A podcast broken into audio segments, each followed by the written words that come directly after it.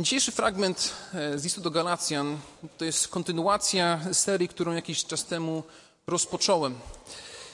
I miejsce, w którym się obecnie znajdujemy, jest dalszą obroną apostoła Pawła przed zarzutami, które są wobec niego stawiane. Wiem, że ci, którzy byli w Galacji wtedy, mówili, że apostoł Paweł daje jakąś prostszą Ewangelię, daje coś, co nie jest tak pełne, jak być powinno, więc wchodzili do kościołów i troszkę przekręcali, żeby dołożyć ludziom ciężaru, albo to, co jak to opisuje apostoł Paweł, zniewalając ludzi, dokładając im do Ewangelii, która jest zbawieniem przez wiarę. Ale pytanie jest kluczowe, na które tutaj apostoł Paweł próbuje nam odpowiedzieć. Co jest łatwiej podważyć? Przesłanie, czy raczej tego, który przekazuje przesłanie? I wydaje się, że tutaj jest pewien atak, nie wiem do końca w jaki sposób, ale jest pewien atak na apostoła Pawła, że jednak on może nie jest w pełni apostołem, może jego przesłanie nie jest Bożym przesłaniem, może to, czego on się dowiedział, dowiedział się od innych apostołów, ktoś mu to przekazał, albo może sam sobie to wymyślił. Więc dzisiejszy fragment apostoł Paweł bardzo silnie zaznacza, że Ewangelia, którą ja zwiastowałem, nie jest pochodzenia ludzkiego. I moi drodzy, będziemy mieli dzisiaj kilka punktów w tym kazaniu, ale jeżeli jest jakikolwiek punkt, który chciałbym, żebyście dzisiaj wyciągnęli z tego kazania, to właśnie jest to, że Ewangelia nie jest ludzkim wymysłem. Ewangelia nie jest ludzkim pomysłem na coś lepszego, na poprawę moralną, na lepszą etykę w moim własnym życiu. To nie jest Ewangelia. Ewangelia nie jest, będę chodził do kościoła, będę się starał, będę się poprawiał. To nie jest Ewangelia.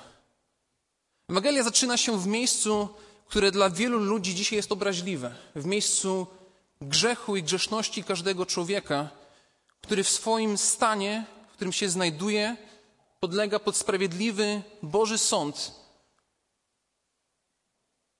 I Bóg może nas sprawiedliwie osądzić, zsyłając na nas karę wieczną w postaci prawdziwego piekła, a nie wysyłając nas do innych miejsc, które być może istnieją, bądź też nie. Stoimy w obliczu pewnych prawd, z którymi musimy się zmierzyć. Praw, które stawiają nas w pytaniu, co zrobić, aby uniknąć tej wiecznej kary. I dzisiaj się ludzie śmieją, kiedy się mówi o piekle. To jest jedna z takich rzeczy, które dzisiaj uznawane jest za wymysł ludzki. Sposób straszenia Kościoła młodych ludzi, może nawet nie młodych ludzi, każdego człowieka, żeby w jakiś sposób trzymać ich w swoich rydzach. Jednak się okazuje, że o piekle Jezus mówił więcej niż mówił o niebie. To jest ciekawostka. Więc stajemy w pewnym miejscu, które dzisiaj również jest podważane. Ewangelia dzisiaj też jest podważana. I kiedy stajemy w tym miejscu, kiedy zadamy sobie pytanie, co mam uczynić, to się okazuje, że Bóg nie zostawia nas samych. Ewangelia nie kończy się na tym, że jest źle i nie mamy ratunku. Ewangelia mówi, jesteś grzesznikiem, ale jest ratunek w Jezusie Chrystusie w pełni wystarczalny. Bóg posłał swojego Syna, który był w pełni Bogiem, aby stał się człowiekiem, aby poniósł na krzyżu za nas sprawiedliwą karę. I na nim się wylała kara, która jest należna nam. I kiedy się słucha takiego przesłania, można powiedzieć, ale jak ktoś mógł coś takiego wymyśleć? Jaki jest sens czegoś takiego? Na pewno ktoś musiał się o to postarać, ale apostoł Paweł tutaj bardzo silnie będzie bronił tego, że nie. Ewangelia, którą on już im przekazał, to nie jest żaden ludzki wymysł. Współcześnie widzimy, że podobne zarzuty też są stawiane wobec chrześcijaństwa, wobec Ewangelii. Mówi się, no prawdopodobnie ludzie się w pierwszych wiekach zebrali i coś wspólnie ustalili. To się mówi o tak zwanym pierwotnym chrześcijaństwie. Że oni się razem zebrali i pomyśleli, dobrze, nasz nauczyciel, filozof Jezus już nie żyje, więc teraz zbierzmy do kupy jego naukę i przekażmy jako to, co było objawione przez Boga. To, co przez już wiele było obalonych przez lata, ponownie co jakiś czas się pojawia. Wielu młodych ludzi, młodych agnostyków, ateistów uważa, że w ogóle za każdym razem wszystko jest przez ludzi wymyślone, więc nie ma w co wierzyć. I być może ty jesteś w takim miejscu dzisiaj, że nie wiesz, czy faktycznie to, co dzisiaj jest omawiane, jest prawdą. to chcę Ciebie zachęcić i wezwać do tego, żebyś przemyślał dokładnie to, co dzisiaj będzie mówione i w jaki sposób apostoł Paweł broni swojego przesłania. Widzimy, że apostoł Paweł mówi: Ewangelia, którą ja zwiastowałem, nie jest pochodzenia ludzkiego, albowiem nie otrzymałem jej od człowieka, ani mojej, ale mnie jej nie nauczono, lecz otrzymałem ją przez objawienie Jezusa Chrystusa. Apostoł Paweł nie był jednym z dwunastu apostołów, którzy chodzili z Jezusem podczas jego służby. Apostoł Paweł, zaraz się dowiemy, kim tak naprawdę był, doświadczył tego, o czym dzisiaj już czytaliśmy na nabożeństwie. Doświadczył szczególnego Bożego objawienia w swoim życiu, gdzie Chrystus mu się ukazał i przez to apostoł Paweł poznał Ewangelię. Pewne łuski spadły z jego oczu i rozpoznał, że tego, którego on prześladował, jest tak naprawdę Bożym Mesjaszem, Bożym Zbawicielem dla całej ludzkości. Apostoł Paweł broni też w tym fragmencie inaczej. Mówi, ani się też nie udałem do Jerozolimy, do tych, którzy byli przede mną apostołami, ale poszedłem do Arabii, po czym wróciłem do Damaszku. To jest wiersz 17. Potem po trzech latach poszedłem do Jerozolimy, żeby się zapoznać z Kefasem. Więc minęły co najmniej trzy lata od czasu, kiedy apostoł Paweł doznał tego objawienia od Jezusa Chrystusa, do momentu, kiedy spotkał się z pierwszym apostołem. Możliwe, że trwało jeszcze więcej, ale mówi, że po trzech latach, więc to jest minimum, trzy lata minęły. Więc on mówi: Ja naprawdę to, co wam przekazałem, nie przekazuję od innych ludzi. To, co ja przekazuję, przekazuję bezpośrednio od Chrystusa. Jeżeli wy to odrzucacie, odrzucacie Chrystusa. Więc zastanówmy się nad tym, kim był apostoł Paweł. Co to był za człowiek, który teraz głosi tym różnym zborom, a w szczególności tutaj zborowi w Galacji. Zwróćcie uwagę na wiersze 13 i 14. Apostoł Paweł tak sam siebie opisuje. Mówi: Słyszeliście bowiem o moim dawniejszym postępowaniu w żydostwie, że srodze prześladowałem zbór Boży i niszczyłem go, i że prześcigałem się w żarliwości dla żydostwa wielu rówieśników mojego pokolenia, będąc nader gorliwym zwolennikiem moich ojczystych ustaw. Potwierdzeniem tego przesłania ma być historia nawrócenia apostoła Pawła. Apostoł Paweł przedstawia to w trzy sposoby. Mówi to, kim byłem przed nawróceniem, to, co się wydarzyło w trakcie i jak teraz życie wygląda teraz. I kiedy czytamy o tym, jak wyglądało jego życie wcześniej, to myślę, że potrzebujemy jeszcze troszkę informacji, żeby uzyskać pełen obraz. Bo tu apostoł Paweł, tak jak w dobrym świadectwie, nie mówi zbyt dużo o swoim przeszłym życiu. Czasami bywa tak, że próbujemy zanadto powiedzieć o tym, jak to byłem złym człowiekiem, jak źle mi się w moim życiu działo, no i potem Jezus mnie uratował i, i teraz już jest ok. Czasami tak, tak bywa, ale apostoł Paweł skraca to swoje życie do dwóch wierszy i mówi: Dobrze, taki byłem, to się wydarzyło i teraz jestem tutaj.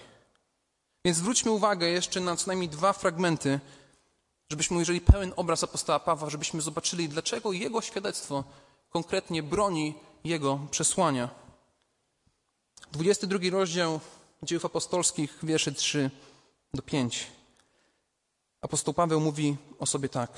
Jestem Żydem urodzonym w Tarsie w Cylicji, lecz wychowanym w tym mieście u stóp Gamaliela, starannie wykształconym w zakonie ojczystym, pełnym gorliwości dla Boga, jaki wy dziś wszyscy jesteście. Drogę pańską prześladowałem aż na śmierć, wiążąc i przekazując do więzień zarówno mężów, jak i kobiety. Jak mi tego arcykapłan jest świadkiem i cała rada starszych, od nich też otrzymałem listy do braci – i udałem się do Damaszku, aby również tych, którzy tam byli, uwięzić i przyprowadzić do Jerozolimy w celu wymierzenia im kary. Więc już poznajemy troszkę lepiej tego człowieka, tego, który doznał szczególnego Bożego objawienia. Ale szczególnie ważny jest wiersz pierwszy rozdziału ósmego, również dziejów apostolskich. Czytamy tam następujące słowa. A Saul również zgadzał się z tym zabójstwem. Kilka słów. A Saul również zgadzał się z tym zabójstwem. Jest to zakończenie takiej dłuższej części, gdzie jest opis ukamieniowania Szczepana, jednego pierwszego męczennika za wiarę chrześcijańską. I kiedy ukamieniowali Szczepana, to obok stał Saul przed nawróceniem, czy też później apostoł Paweł. Patrzył na to, co się wydarzyło, mówił: To jest dobre. Tak być powinno. Bardzo dobrze. Tego się trzymamy. Będziemy działać tak dalej, jeszcze bardziej i coraz więcej. Był bardzo gorliwy w swoim nastawieniu. I po przeczytaniu tych fragmentów, jeżeli chcemy przełożyć to nasze współczesne realia, to musimy po prostu powiedzieć, że apostoł Paweł był terrorystą.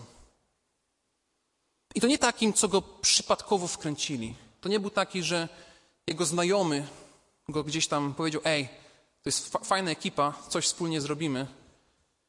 Nie, apostoł Paweł był tym, który się zajmował wchodzeniem do kościołów, wyciąganiem ludzi, wrzucaniem ich do więzień, patrzeniem na morderstwa, angażowania innych do tego, starania się, zbierania. To właśnie był apostoł Paweł. Był to człowiek bez skrupułów, fanatyk, ktoś, kto chciał pokazać, jak bardzo jest oddany dla swojej słusznej sprawy, bardziej niż ktokolwiek inny.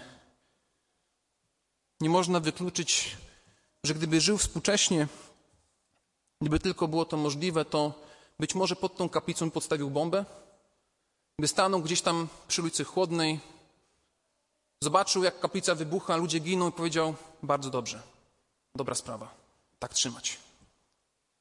To jest apostoł Paweł. Pod tym kątem apostoł Paweł nie różnił się w żaden sposób od terrorystów z ISIS czy Al-Kaidy, którzy myśleli i myślą, że działają w słusznej sprawie, Bożej sprawie, sprawie, która przynosi Bogu chwałę. Takie właśnie było myślenie apostoła Pawła. On myślał, że on czyni dobrze, że służy Bogu. Sam twierdzi o sobie, że pod kątem jego gorliwości, jego zażartości nie byłoby wielu, którzy by w stanie byli mu dorównać. Nie ma wiele osób, które byłyby w stanie powiedzieć, a jestem tak jak apostoł Paweł. To on był najbardziej faryzejskim faryzeuszem, to on troszczył się najbardziej o swoje własne tradycje. On się tak bardzo o to starał i robił to w szczerze i w dobrej wierze. Szczery terrorysta. John Stott poczynił bardzo ciekawą obserwację. Powiedział, jest sprawą całkiem jasną, że człowiek w takim stanie umysłu i uczuć nie miał ochoty zmieniać swoich poglądów, ani też pozwolić sobie na to, by inni ludzie wpłynęli na taką zmianę. Żaden upór warunkowy, ani żadna inna psychologiczna metoda oddziaływania nie mogły nawrócić człowieka w takim stanie. Tylko Bóg mógł to osiągnąć i Bóg faktycznie tego dokonał. Żadna psychologia, żadna terapia nie byłaby w stanie wyciągnąć apostoła Pawła ze stanu, w którym się znajdował. Jedyną osobą, która była w stanie tego dokonać i która faktycznie tego dokonała, jest Bóg. I moi drodzy, właśnie taki człowiek został przez Boga uratowany. Terrorysta, fanatyk. On został przez Boga odmieniony. Co więcej, został przez Boga powołany do działania, działania, którego my w pewien sposób jesteśmy dzisiaj spadkobiercami. Apostoł Paweł stał się apostołem pogan, ten, który idzie do tych, którzy nie są, nie, nie pochodzą od Żydów. I myślę, że to, co jest istotne, patrząc na życie apostoła Pawła, jest to, że nie ma człowieka zbyt grzesznego, który by wykraczał poza zakres Bożego miłosierdzia. Być może jest to dosyć oczywista prawda, ale równocześnie jest bardzo trudna w przyjęciu. Bo my, jako ludzie, bardzo łatwo jesteśmy w stanie ocenić kogoś, dlaczego Bóg kogoś takiego jest w stanie uratować. Jednym z najpowszechniejszych argumentów przeciwko łasce jest właśnie to, że w jakiś sposób Bóg może przebaczyć przestępcom. Dlaczego? Odpowiedzią jest oczywiście łaska, jest to coś, co jest niezasłużone.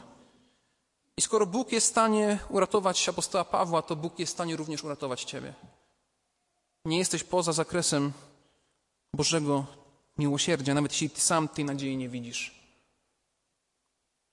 Jeśli Bóg był w stanie uratować apostoła Pawła, jeżeli był w stanie go wyrwać z mocy ciemności, to co dopiero Twojego członka rodziny, Twojego sąsiada, Twojego przyjaciela, Twoją przyjaciółkę.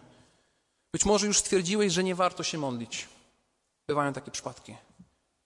Kiedy już myślimy, dobra, modliłem się kilka lat, kilkanaście lat, kilkadziesiąt lat, a ja dalej nie widzę żadnego efektu, dalej nie widzę żadnej zmiany. sprawa jest przegrana. Ten człowiek już nie ma szans się nawrócić. Jeżeli mierzysz się dzisiaj z tym problemem, jeżeli mierzysz się z takim nastawieniem, to dzisiaj również jest dzień, żeby to odmienić. Wzywam Ciebie dzisiaj do tego, żebyś trwał w modlitwie, nawet kiedy po ludzku sprawa wydaje się przegrana. Jak ja sobie myślę o tych chrześcijanach, którzy słyszeli o apostole Pawle, być może mieli jakiś list gończy wyświetlony, albo niewyświetlony, wyłożony w swojej kaplicy z napisem apostoł Paweł, nie apostoł Paweł, Szaweł jest tym, który nas goni. To oni sobie nie wyobrażali to, że ten człowiek kiedyś będzie tym, który rozniesie Ewangelię na zupełną inną część świata. Apostoł Paweł musiał być przegrany w ich oczach, nawet jeżeli oni tego się nie spodziewali. Jeżeli masz może problem ze znalezieniem kogoś bliskiego, nie modlisz się o kogoś konkretnie, o jego ratunek, jego zbawienie, nie masz może rodziny, wszyscy są nawróceni, chwała Bogu za to, ale na pewno masz sąsiada, masz sąsiadkę, może tego irytującego współpracownika, może menadżera, za którym nie przypadasz. Powiesz go Bogu, powiesz ją Bogu. Ufaj, że Bóg jest w stanie ich życiu zadziałać. Na tym naszym otoczeniu zawsze są ludzie, o których zbawienie możemy i powinniśmy się modlić, bez względu na to, jak bardzo uważamy, że są przegrani. Moi drodzy, patrząc na życie apostoła Pawła i stan, w którym on się znajduje, odkrywamy ponowną dwie prawdy. Dwie prawdy odkrywamy. Jedna dotycząca Boga i tak naprawdę jedna i druga dotycząca Boga i człowieka. Pierwsza z tych prawd jest taka, że istnieje niemożność grzesznego człowieka w szukaniu Bogu. W szukaniu Boga. Ludzkie serce nie skłania się naturalnie do prawdy, nie skłania się ku Ewangelii. I nie ma znaczenia, czy jesteś najgorszym terrorystą skazanym za morderstwa, czy najbardziej szanowanym członkiem swojej lokalnej społeczności z dobrym wykształceniem, z dobrą pracą, bez jakichkolwiek zarzutów wobec własnej osoby. Pod tym względem ludzkie serca się nie różnią, są one dokładnie takie same. Jedyną różnicą jest to, że one potrafią nas oszukiwać w różny sposób. W księdze Jeremiasza czytamy, że podstępne jest serce bardziej niż wszystko inne i zepsute. Któż może je poznać? I serce apostoła Pawła oszukiwało go w taki sposób, że on myślał, że robi dobrze. I czasami jest ciężko nam uwierzyć, jak się słyszy o jakichś wydarzeniach, strasznych tragediach. Coś się wysadza, ktoś ginie, i potem się słucha wypowiedzi osób, które to robią, i oni mówią, że robiłem to dobrze, robiłem to w słusznej sprawie. I się zastanawiają, jakim cudem ktoś taki może tak w ogóle mówić. I odpowiedzią jest po prostu to, że nasze serce nas oszukuje. Daje nam zupełnie inny obraz rzeczywistości. Apostoł Paweł wykonywał swoje zadanie najlepiej jako faryzeusz, myśląc, że służy w ten sposób Bogu. Przez cały ten czas myślał, że jest Bogu bliski, a jednak nie mógł być od Niego dalszy.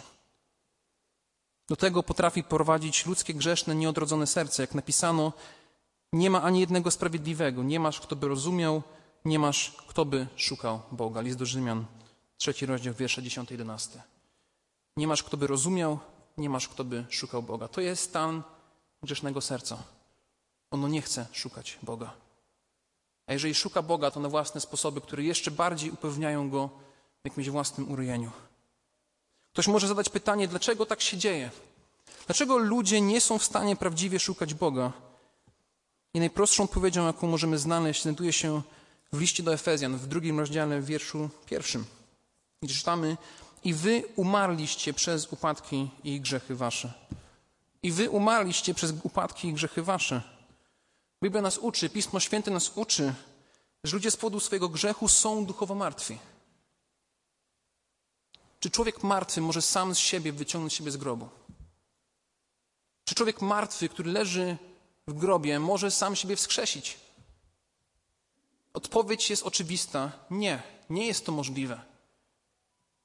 Nie funkcjonuje to w świecie fizycznym i nie ma również to miejsca w świecie duchowym. Gdyby nie interwencja Boża w życiu apostoła Pawła, to apostoł Paweł dalej by robił to, czym się zajmował. Natomiast Bóg w ogromie swojej łaski jest w stanie to uczynić. I to czyni i uczynił w życiu każdego życia wierzącego.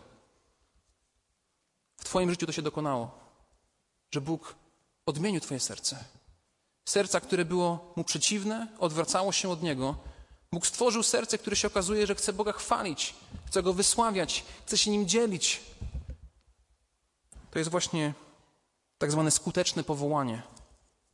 Jest to Boże powołanie, kiedy Bóg powołuje i serce jest przygotowane, to my odpowiadamy chętnie, z radością. Zwróćcie uwagę, co tu jest napisane w tym naszym fragmencie.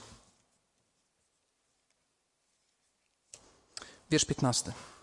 Ale gdy się upodobało Bogu, który mnie sobie oberł, zamień się urodziłem i powołał przez łaskę swoją, żeby objawić mi syna swego, abym go zwiastował między poganami. O czym tu mówi apostoł Paweł? Mówi, byłem zatwardziałym grzesznikiem, byłem zatwardziałym w swoim postępowaniu, w swoim myśleniu, ale, jest piękne słowo ale.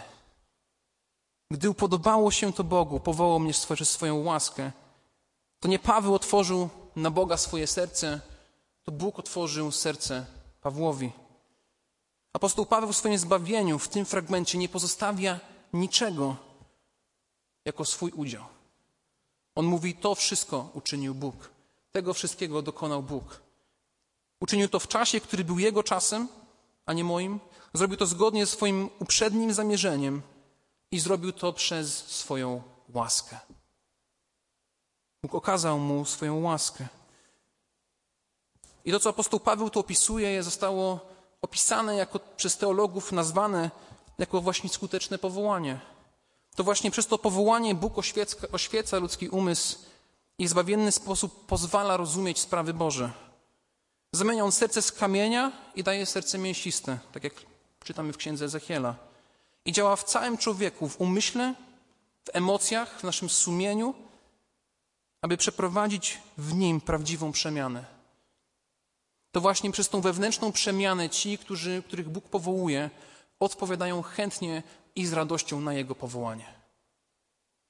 W drugim mieście do Koryntian 4,6 jest napisane, bo Bóg, który rzekł, z ciemności niech światłość zaświeci, rozświecił serca nasze, aby zajaśniało poznanie chwały Bożej, która jest na obliczu Chrystusowym. Dopiero to Boże wezwanie jesteśmy w stanie odpowiedzieć, kiedy Bóg rozświetla ciemności naszego serca. Kiedy możemy przejrzeć na oczy, możemy ujrzeć piękno i cudowność dzieła Chrystusa. Jesteśmy w stanie zachwycić się naszym Zbawicielem, a mamy naprawdę cudownego Zbawiciela. Naprawdę mamy cudownego Zbawiciela. I powiem tak, że jest to ogromna różnica. Widzę, że niektórzy z Was macie okulary. Tutaj czytaliśmy o tym, że łuski musiały spaść z oczu apostoła Pawła. Jeżeli ja zdejmę swoje okulary, to mimo, że rozpoznam kolory, to moi drodzy, ja Was nie rozpoznam. Nie ma szans. Być może wychodząc z kaplicy się mogę potknąć, nie zauważę, gdzie tu jest jakieś przejście. Ale kiedy założę okulary i się zmienia ten filtr i się wyostrza wzrok, to jest to coś zupełnie innego. Można rozpoznać to, co widzimy przed sobą, możemy tego uniknąć, możemy się zachwycić światem dookoła nas. Perspektywa się poszerza i to, co się widziało, okazuje się być pewną mgłą, pewnym mlecznym, pewną mleczną szarością, natomiast pełna ostrość pojawia się dopiero teraz. To się dzieje przez działanie Boga. Drogi bracie, droga siostro, każdy z nas tego doświadczył. Być może nie w dokładnie ten sam sposób jak nawrócenie Pawła, ale w swoim życiu na pewno była chwila, może dłuższa, może krótsza. Tutaj nie ma jednej zasady, która sprawiła, że nagle zacząłeś, zaczęłaś rozumieć to, co w Ewangelii nie było jasne, dziwne, może głupie, teraz stało się Twoim skarbem, Twoją radością, Twoim pokojem. I to właśnie Bóg uczynił w Twoim życiu. On skruszył Twoje kamienne serce i powołał Ciebie zgodnie z swoją łaską, jak to uczynił z apostołem Pawłem. I stało się to dokładnie w czasie, który on sobie upodobał. Drogi bracie, droga siostro, Bóg obdarzył Ciebie czymś, na co nie zasługujesz. To jest właśnie łaska. Tak samo apostoł Paweł na to nie zasługiwał, tak samo ja tego na to nie zasługuję, tak samo Ty na to nie zasługujesz. A jednak Bóg to w Twoim życiu uczynił. Dał Ci łaskę. I zobaczymy, do czego to wszystko prowadzi. Do czego to Boże działanie w życiu apostoła Pawła prowadzi, czym się powinno przejawiać w ludziach, którzy patrzą na to działanie. Zwróćcie uwagę na ostatnie dwa wiersze naszego rozdziału. 23-24. A tylko niektórzy słyszeli, że ten, który niegdyś nas prześladował, teraz szerzy wiarę, którą dawniej zwalczał. I wysławiali Boga za mnie. I wysławiali Boga za mnie. Tym apostoł Paweł kończy swoją wypowiedź. I myślę, że lubimy czytać i słuchać historii takich mocnych świadectw. Ja bardzo lubię takich przestępców z krwi i kości, którzy gdzieś tam Bóg skruszył ich serca. Widzimy w tym takie szczególne Boże działanie ludzi, którzy faktycznie byli daleko w naszych oczach od Boga, a jednak Bóg w jakiś sposób ich ratuje, w jakiś niepojęty sposób. Może byli więźniami, dealerami narkotyków, gangsterami. Czasami się robi spotkania z gangsterem, który się nawrócił. Ludzie przychodzą, słuchają, są zaciekawieni, bo oni mają potężne świadectwo. No tak, to jest chwała Bogu za to. Ale moi drodzy, w pewnym sensie jest to prawda. Są świadectwa, które ze względu na historię człowieka robią na nas większe wrażenie. Tak samo jak historia Pawła. Też cudowna historia. Ale kiedy patrzymy na życie człowieka i widzimy, że każdy człowiek tak naprawdę stoi przed obliczem Boga jako martwy duchowo, to każdy człowiek, który zaufa Chrystusowi, jest w pełni Bożym cudem. Jest dokładnie takim samym cudem. Tutaj nie ma jakiegoś, jakiejś wagi, czyj cud jest większy, czyj cud jest mniejszy. Jeżeli się nawróciłeś, chodząc do kościoła, słuchając kazań regularnie na nabożeństwie, chwała Bogu za ciebie. Jest to piękne świadectwo. Nawróciłeś się na studiach, nawróciłaś się na studiach. Chwała Bogu za ciebie. Jest to piękne świadectwo Bożego działania. Jeżeli nawróciłeś się w jakikolwiek inny sposób, to nie umniejsza w żaden sposób cudu, który Bóg wykonał w Twoim życiu. Celem świadectwa nie jest ukazanie naszej niesamowitości, ale ukazanie działania potężnego Boga. To jest właśnie cel świadectwa. I na podstawie tego świadectwa my chwalimy Boga. Celem świadectwa nie jest ukazanie tego, że stałem się lepszym, bardziej moralnym człowiekiem. To nie jest cel świadectwa. Cel świadectwa, między innymi ten, na który zwraca apostoł, którego zwracał apostoł Paweł, jest ukazanie tego, co Jezus uczynił w moim życiu. I kiedy mamy na przykład spotkania członkowskie u nas w zborze i mamy ludzi, którzy dzielą się swoim świadectwem przed chrztem, właśnie dlatego zadajemy pytanie, kim jest Chrystus dla Ciebie? Bo bardzo łatwo jest powiedzieć o swoim starym życiu, swoim nowym życiu, to co teraz się robi, co się wykonuje, ale jeżeli się nie ma tego, to jest, co jest najistotniejsze, tego klucza, jakim jest Ewangelia, klucza w postaci zrozumienia Chrystusa, to można moralnie się odnowić w inne sposoby. Można pójść na jakiś kurs, gdzie ci powiedzą siedem punktów dla lepszego życia. Nie ma problemu, dzisiaj takich kursów jest dużo. Można być bardziej moralnym człowiekiem, nie mając Ewangelii. Natomiast nie można być bardziej moralnym człowiekiem, który sam z siebie się wydobędzie to dobro duchowe. To jest akurat niemożliwe. Moi drodzy, celem świadectwa jest to, żebyśmy chwalili Boga. To jest zadanie. Ci, którzy słyszeli o tym, co się wydarzyło w życiu apostoła Pawła, uwielbili Boga. I kiedy my słyszymy świadectwa innych ludzi, to również powinniśmy uwielbić Boga. Ponieważ to Bóg wyrwał mnie z grzechu, zbawił mnie, kiedy ja byłem zgubiony, to właśnie za ten cud należy się Bogu chwała. I być może dzisiaj jest dzień, w którym warto po nabożeństwie udać się do kawiarenki, usiąść z kimś, zapytać, powiedz swoje świadectwo nawrócenia. Albo może nie być tym, który zadaje pytanie, ale być tym, który sam zaoferuje, się podzieli świadectwem może nie całego życia, ale tego, jak to krótko było przed, jak to jest, co Chrystus uczynił, jak to wygląda teraz. Myślę, że jakbyśmy siedzieli teraz i słuchali wszystkich świadectw każdej osoby tej sali, każde świadectwo byłoby w jakiś sposób inne. Bóg w różny sposób do nas dociera. Niektórzy potrzebują tego, inni potrzebują tego, ale Bóg najlepiej wie to, czego każdy z nas potrzebuje. Apostoł Paweł w tym fragmencie listu do, do Galacjan naprawdę daje dobry wzór tego, jak się dzielić swoim świadectwem. Krót, krótko o tym, jak było przed nawróceniem, co się wydarzyło w trakcie nawrócenia, jak to wygląda obecnie. To jest doskonały przykład świadectwa. I chciałbym zostawić Was dzisiaj właśnie z tym, że tak jak apostoł Paweł broni, mówi: Słuchajcie, to, co się tutaj wydarzyło, to jest prawdziwy Boży cud. Nie jest możliwe, żebym ja sam z siebie wykrzesił to, co się wydarzyło. Więc moja Ewangelia nie jest Ewangelią pochodzenia ludzkiego. Jest to Ewangelia, którą ja posiadam od samego Chrystusa. Nie jest to ludzki wymysł, nie jest to mit, ale jest to Boży zbawienny przekaz dla ludzi. W dzisiejszym świecie zamieszania świadomość tej jednej rzeczy to już jest bardzo dużo. Równocześnie chciałbym przypomnieć Wam, że nikt nie jest na tyle zły, żeby wyjść poza zakres Bożego miłosierdzia, ale też nikt nie jest na tyle dobry, żeby móc się w to miłosierdzie wkupić. I można być oszukanym i w jedną i w drugą stronę. Czasami ludzie mówią, że dla mnie już nie ma przebaczenia. Dokonałem takich rzeczy w moim życiu, że ja nawet sam nie jestem w sobie w stanie wybaczyć. Nie jest to możliwe. Nikt mi nie przebaczy, ja nie jestem w stanie z sobą żyć w takim stanie. Z drugiej strony mamy ludzi, którzy mówią, ja jestem wspaniały, cudowny, nie potrzebuję niczego tak naprawdę w moim życiu, jest, ze mną jest okej, okay. jestem dobrym człowiekiem, nie potrzebuję żadnego Zbawiciela. I jedno i drugie nas oszukuje. Jedno i drugie nastawienie stawia nas w sytuacji, kiedy nie przyjmujemy Bożej łaski. Jeśli jeszcze tego nie uczyniłeś, to dziś zaufaj Chrystusowi, powiesz się Bożej łasce i zobacz, jak dobry jest nasz Bóg. Zobacz, jak dobre jest Jego przebaczenie. Jak dobry jest pokój, który On obdarza. Moi drodzy, też nigdy nie jest za późno na modlitwę.